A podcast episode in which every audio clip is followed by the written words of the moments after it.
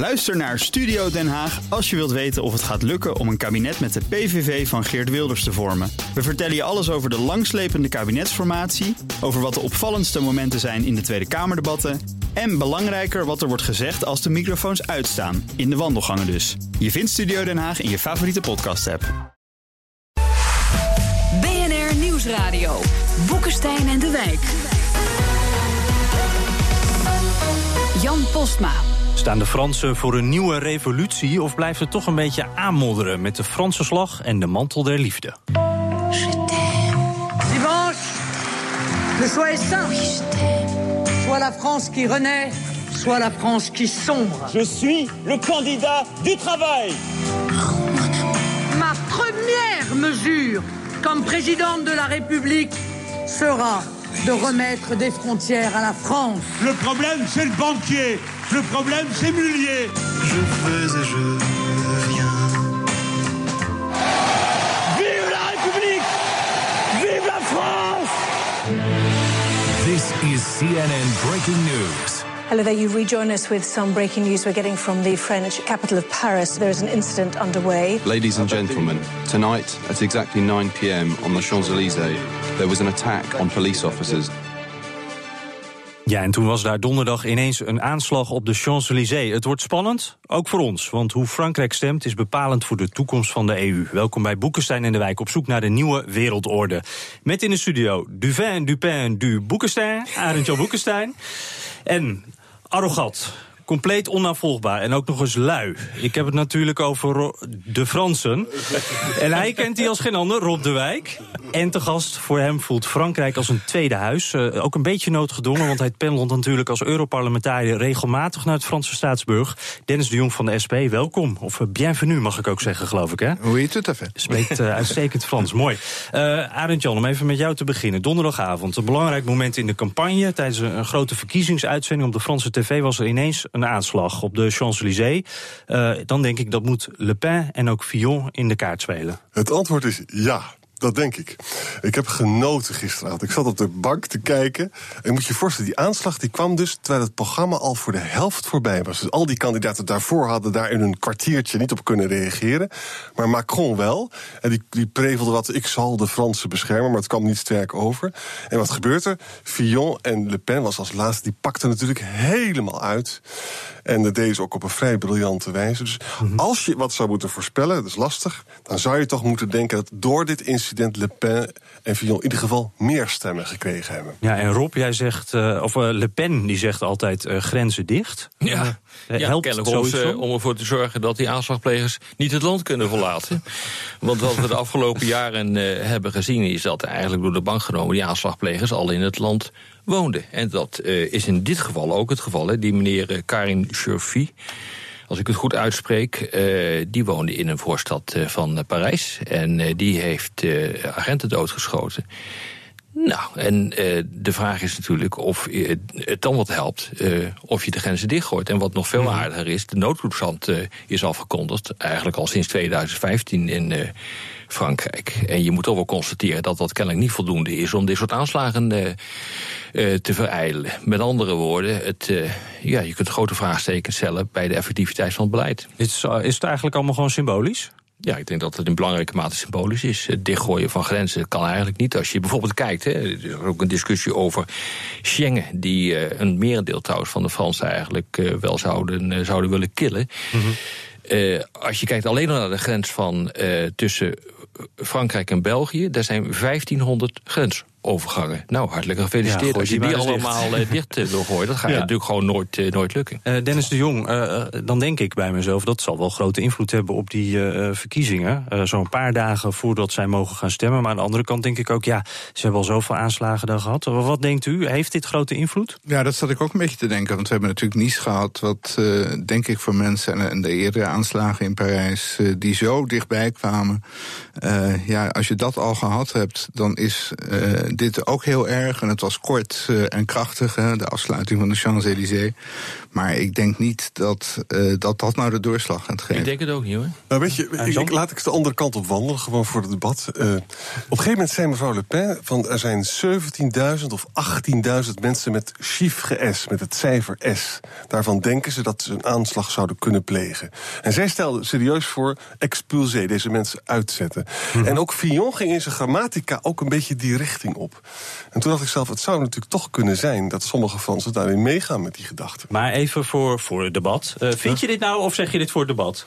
Ik, nee, maar ik, ik, ik denk dus dat ik zou me kunnen voorstellen dat je. Dat die, er zijn zoveel aanslagen in Frankrijk. Dat je daar zo kwaad. Ik heb het zelf trouwens ook. Ik word, bij elke aanslag word ik weer boos. Hè? Dus en dan denk je, en zouden we niet extra maatregelen moeten nemen? Nee, kijk. en laten we ook eens kijken naar de belangrijkste vier kandidaten. Uh, doen even snel uh, snelle flitsronde met jou, Arend Jan. Uh, de belangrijkste vier. zetten ze even op een rijtje. Emmanuel Macron. Nou, dat is eigenlijk een soort D66er, zou je kunnen zeggen. Hè? Hij was vroeger socialist, probeert zijn establishmentverleden uit te gummen. Dat lukt niet helemaal. Mm -hmm. En is een man die tot nu toe heel succesvol was, maar heel misschien door die aanslag minder stemmen zou kunnen krijgen, omdat hij nooit over de islam uh, spreekt. Heeft hij gisteren wel gedaan hoor, trouwens. Uh, ook Macron heeft gezegd van, uh, dat als het aan hem ligt op uh, gegeven ogenblik islamitische fundamentalisten het land uh, moeten worden uitgezet. Dus ook hij uh, gaat zich in dat koor. Ja. En dan komen we uiteindelijk automatisch ook bij Marine Le Pen uit natuurlijk... die nu nog op tweede plek in, de, in veel peilingen staat. Ja, nou die heeft het... Marine Le Pen is dus de Franse Wilders, hè, dat begrijpen mensen natuurlijk. Ik vind, haar, ik vind Marine Le Pen slimmer dan Wilders. Ik vind het politiek ook heel erg handig opereren. Heel, allemaal nieuwe groeperingen. Dus het antisemitisme heeft ze overboord gegooid. Dus wat gematigde mensen kunnen er ook Maar wat ze ook overboord gegooid, EU, ja. NAVO... En dat is een, wel een probleempje, want de meeste Fransen willen gewoon toch wel graag in de EU blijven. Dus daar heeft ze een probleempje, maar heeft ze al iets op gevonden. Ik ga een referendum houden. En dat zou natuurlijk weer dan je tegenzin kunnen overwinnen. Want ja, referendum stem ik gewoon lekker voor en dan blijf ik in de EU. Uh, François Fillon. Fillon is een conservatieve katholiek.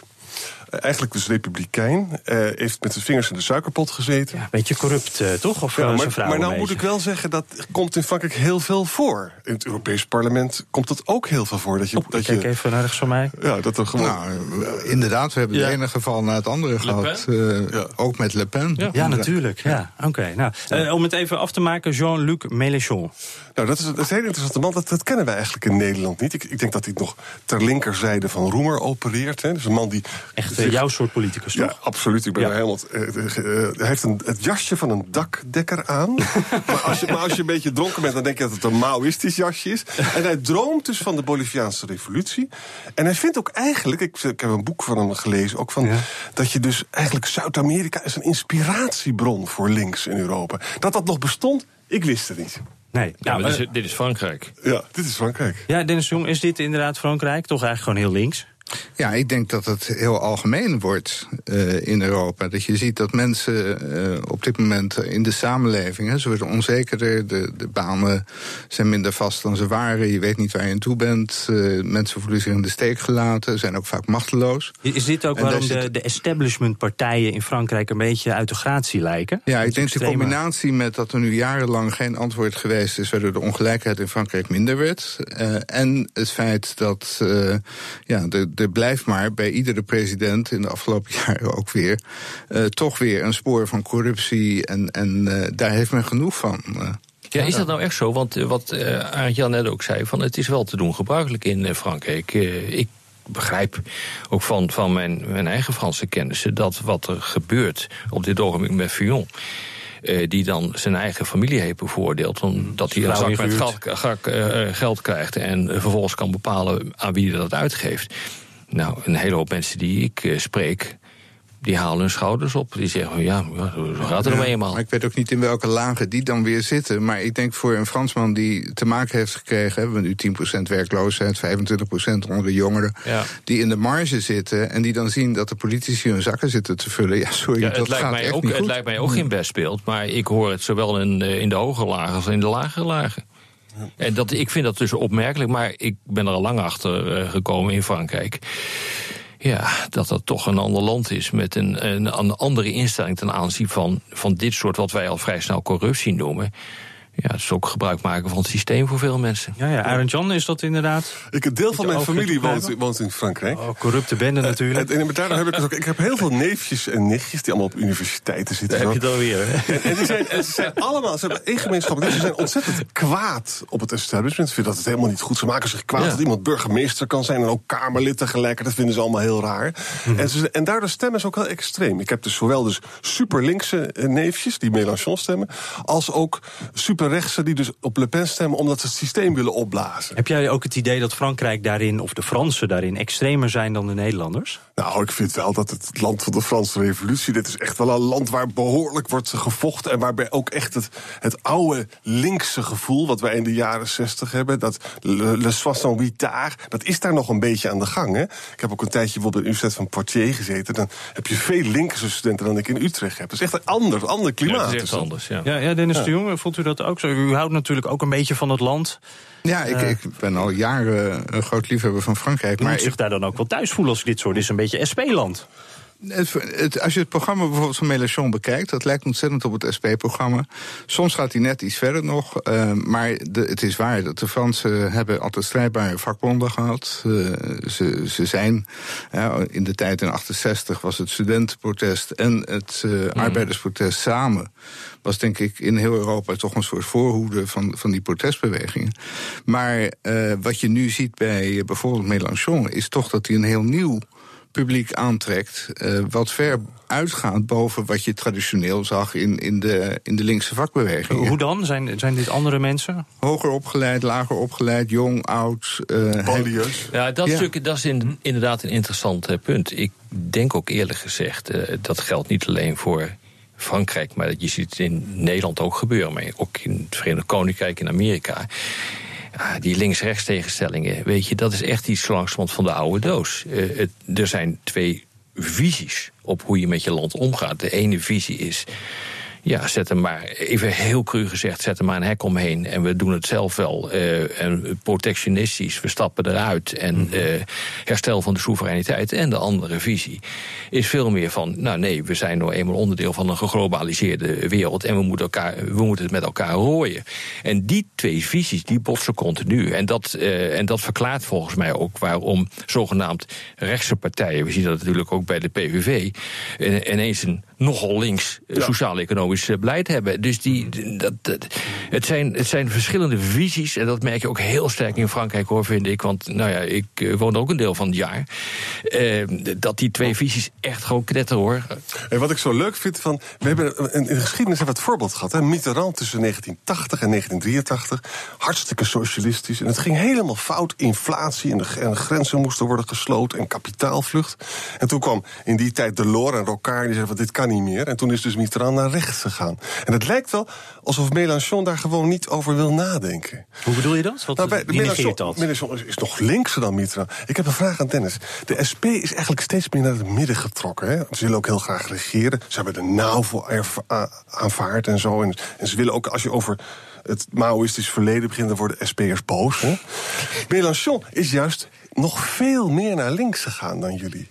Dat is eigenlijk, geeft, moet jou toch ook een beetje ongemakkelijke nou, positie geven? Nee, niet, niet echt, want ik, ik ben het ook niet eens dat er geen links-rechts tegenstelling meer is. Uh, als ik kijk naar het programma van Mélenchon, dan staat er in de minimumlonen omhoog, de sociale zekerheid omhoog, enorm investeren, in het MKB ook investeren en de belastingen voor kleinere bedrijven omlaag krijgen. Dat is zijn programma, dat is letterlijk ook het SP-programma.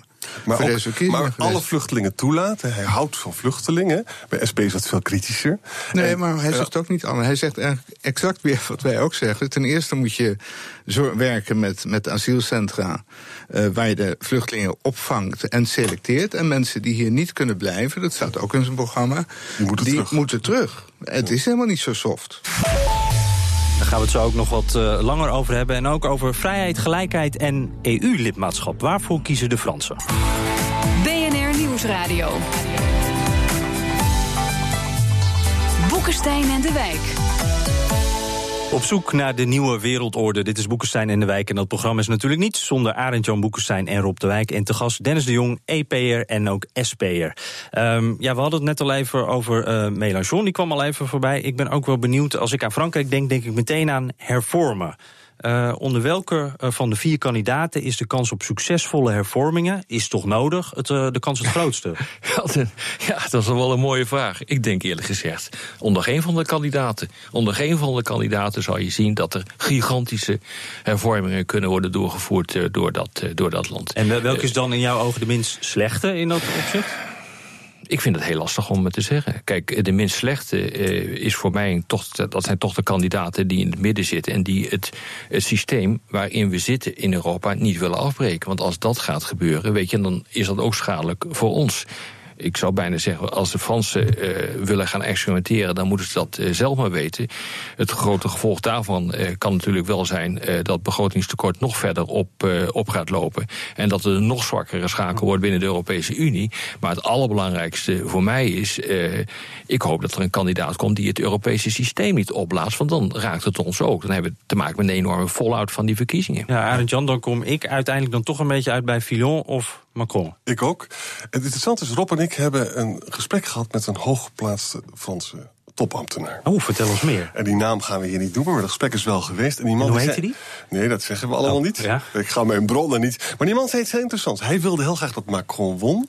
Maar hij zei van, maar les pays Frankrijk is niet in beweging te krijgen. Mm -hmm. Macron had ook niet. Hij zal dan dus direct daarna van het momentum gebruik moeten maken.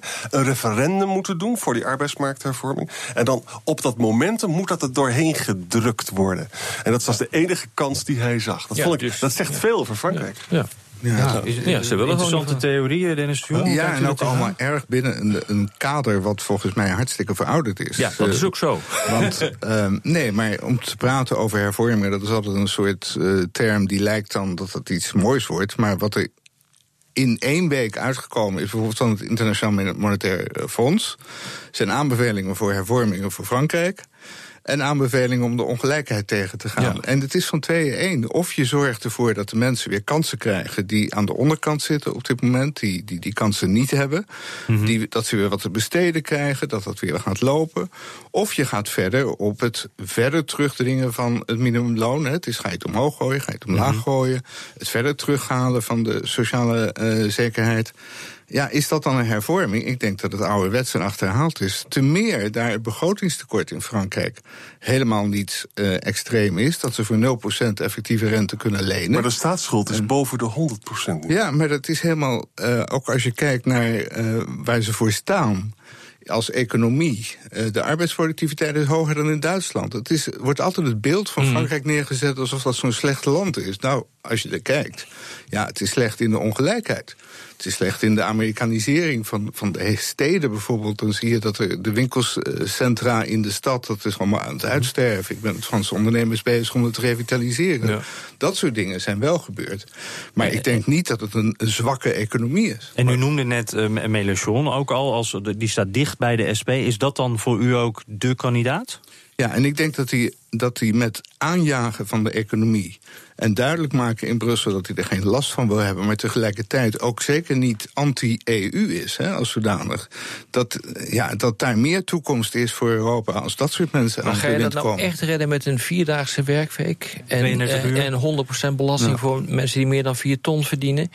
Dat lijkt als wij, dat lijkt me als je ziet niet hoor. door de jaren heen dat de arbeidsproductiviteit altijd gestegen is, dat de werknemers daarvan niet profiteren, maar het kapitaaldeel wel.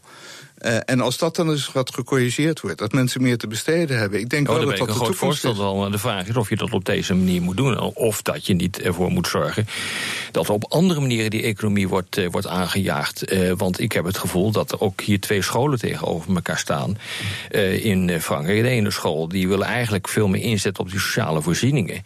En Mélenchon die hoort daar absoluut bij, maar Le Pen ook. En de rest die wil de economie gaan hervormen. Het is, ik bedoel, het is wel een economie met inderdaad een redelijke arbeidsproductiviteit, maar waar het wel heel erg moeilijk is om iets voor elkaar te krijgen. Er zijn volgens mij 3000 pagina's uh, met, met reglementen hoe je met je ambtenaren, hoe je met je werknemers moet omgaan. Uh, uh, Macron die wilde terugbrengen tot 150 pagina's. Ja, ik bedoel, het, het, is, het is echt totaal hopeloos om daar ja, iets wat, te wat doen. Wat ik heel oneerlijk vind is dat dus oudere mensen hebben dus een goudgerande baan. En jongere mensen die zo ontzettend graag willen werken, krijgen geen baan, omdat die dus, ja, die, die, eh, die, die worden niet aangenomen. Die, die, je ziet het als een, een generatieconflict. Uh, ja. en, laten we wel zijn, kijk, Duitsland heeft uh, wat lagere lonen. Hè?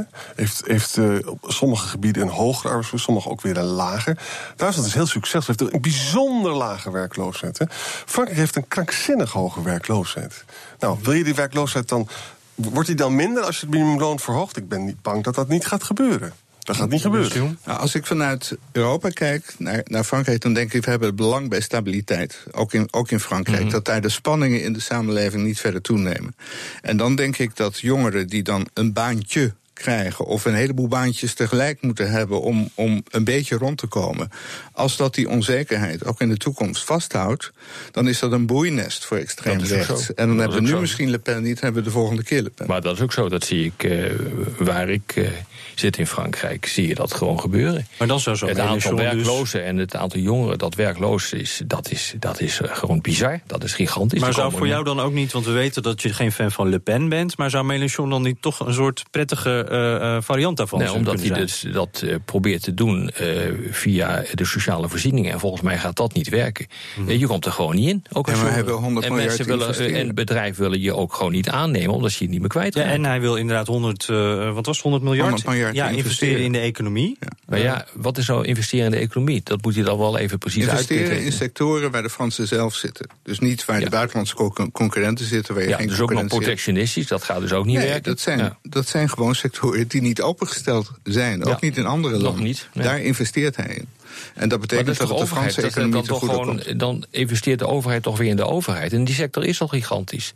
50% van de overheidsbestedingen zijn in de overheid. En hij wil ook buitenlandse werknemers wil die benadelen. Die een extra belasting geven. Nou, Dat- dit, dit- punt is gemaakt. Laten we eens even naar een volgende punt kijken. Want dan blijven we even bij Le Pen. Die, die wil een Frexit. En binnen een half jaar moet daar dan een referendum over komen. Eh, hoe schatten jullie dat in? Willen de Fransen dat uiteindelijk zelf ook? Uit de polls blijkt dat een meerderheid van de Fransen voor de euro zijn. Dus blijven.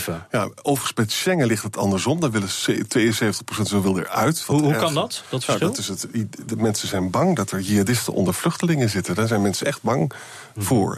Maar dus Brexit, ik denk zelf, stel je nou eens voor dat LePen zou winnen, dat de kans is niet groot in de tweede ronde, om allerlei redenen natuurlijk. Omdat maar je namelijk, kan het eh, zeker niet uitsluiten, toch? nou ja, de tweede ronde ligt het niet zo voor de hand, omdat Nou dan ja, namelijk. eh, Eh, eh, maar goed, in ieder geval, ja. Als dat zou gebeuren, dan gaan de adviseurs van eh, Le Pen natuurlijk wel zeggen: van ja, je luister eens even uit de euro. Weet je wat dat betekent? Hoeveel dat gaat kosten en zo. Hè? Dus dan krijg je ook dan krijg je vertraging. Eh, Denk je dat Le Pen dit vol kan houden? Nou, wat ze zei dus gisteravond, en daar genoot ik ook zo van. Ze zei van, luister eens, ik ben pragmatisch, ik begrijp al uw tegenargumenten. Laat het volk beslissen in een referendum. Ja. Nou, dan zou je dus kunnen zeggen, weet je, je overweegt om op Le Pen te stemmen, je bent voor de euro of zo. Nou ja, dat referendum, dat, dat is wel een meerderheid, dat komt dan wel goed. Dan heb ik geen last van Le Pen. Nee, maar je, kijk, je ziet nu al dat het aan het schuiven is. Als je dus naar, als je Le Pen volgt, eh, dan schuift ze eigenlijk al van de discussie over de euro en de Europese Unie in de richting van, van protectionistische maatregelen. Ja.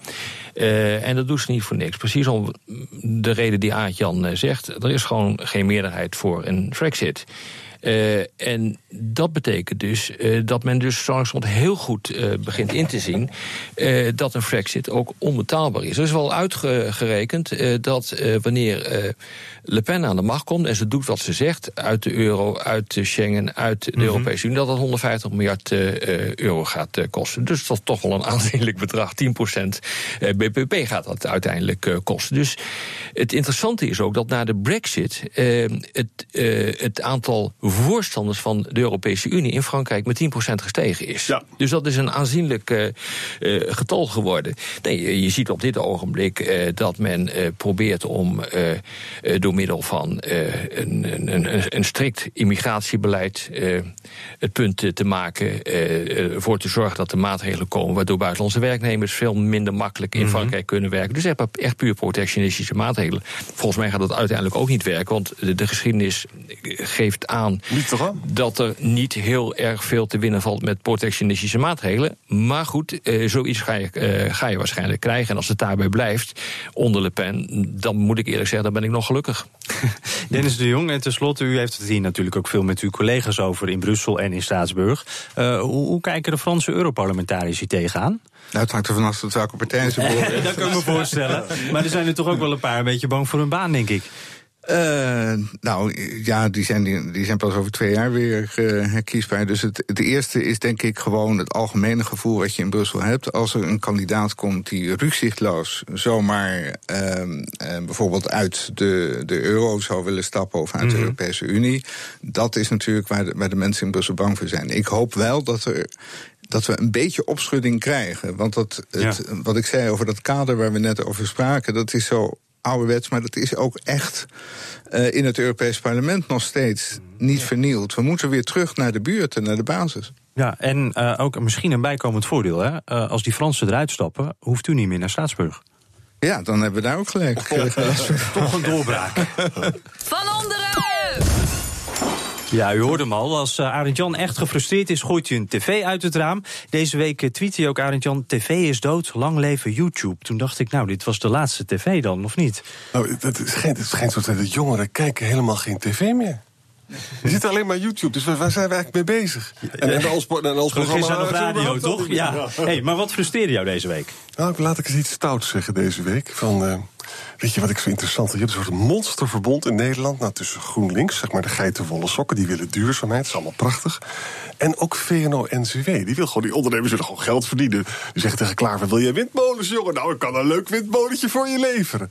En dat is eigenlijk een soort lobbycratie waar ik helemaal niks mee heb. Want ik weet helemaal niet of de windmolens in, in de mix die je doet wel de allerbeste zijn. Hè? Dus dat vind ik zo grappig. Dus een soort links-rechts monsterverbond. Ja. En daarom zou ik eerlijk gezegd uh, helemaal niet zo erg vinden als het zou knallen. Maar jij hebt het nu over geitwolle sokken en VNO. Dat zijn dan de mannen in pakken, toch? Mannen zoals jij eigenlijk. Ja, die willen gewoon geld verdienen. Ja. Maar daar is toch niks mis mee, geld verdienen? Ik, ik vind, als, als je iets duurzaams doet, kies dan rationeel de mix die het beste is. En ik weet niet of dat alleen maar windmolens zijn. Ik, ik hoor een beetje markt dan zo, uh, of niet. Nou ja, ons eigen Don Quixote, uh, Arend Jan Boekenstein, dankjewel. Uh, dit was hem weer, Boekenstein en de Wijk. En dank ook aan Dennis de Jong. Succes in Brussel en in Straatsburg voorlopig nog even. Luister de podcast, dat kan via iTunes en ook via Spotify. Heb je elke week de laatste aflevering. En uh, volgende week, ja, podcast of op de radio, maakt eigenlijk niet uit. Wij zijn er gewoon weer. Dank voor het luisteren. Ook Hugo Reitsma vind je in de BNR-app. Superhandig die BNR-app. Je kunt alle programma's live luisteren, breaking nieuwsmeldingen. Je blijft op de hoogte van het laatste zakelijke nieuws. En je vindt er alle BNR-podcasts, waaronder natuurlijk de belangrijkste, Boeken zijn in de Wijk. Download nu de gratis BNR-app en blijf scherp.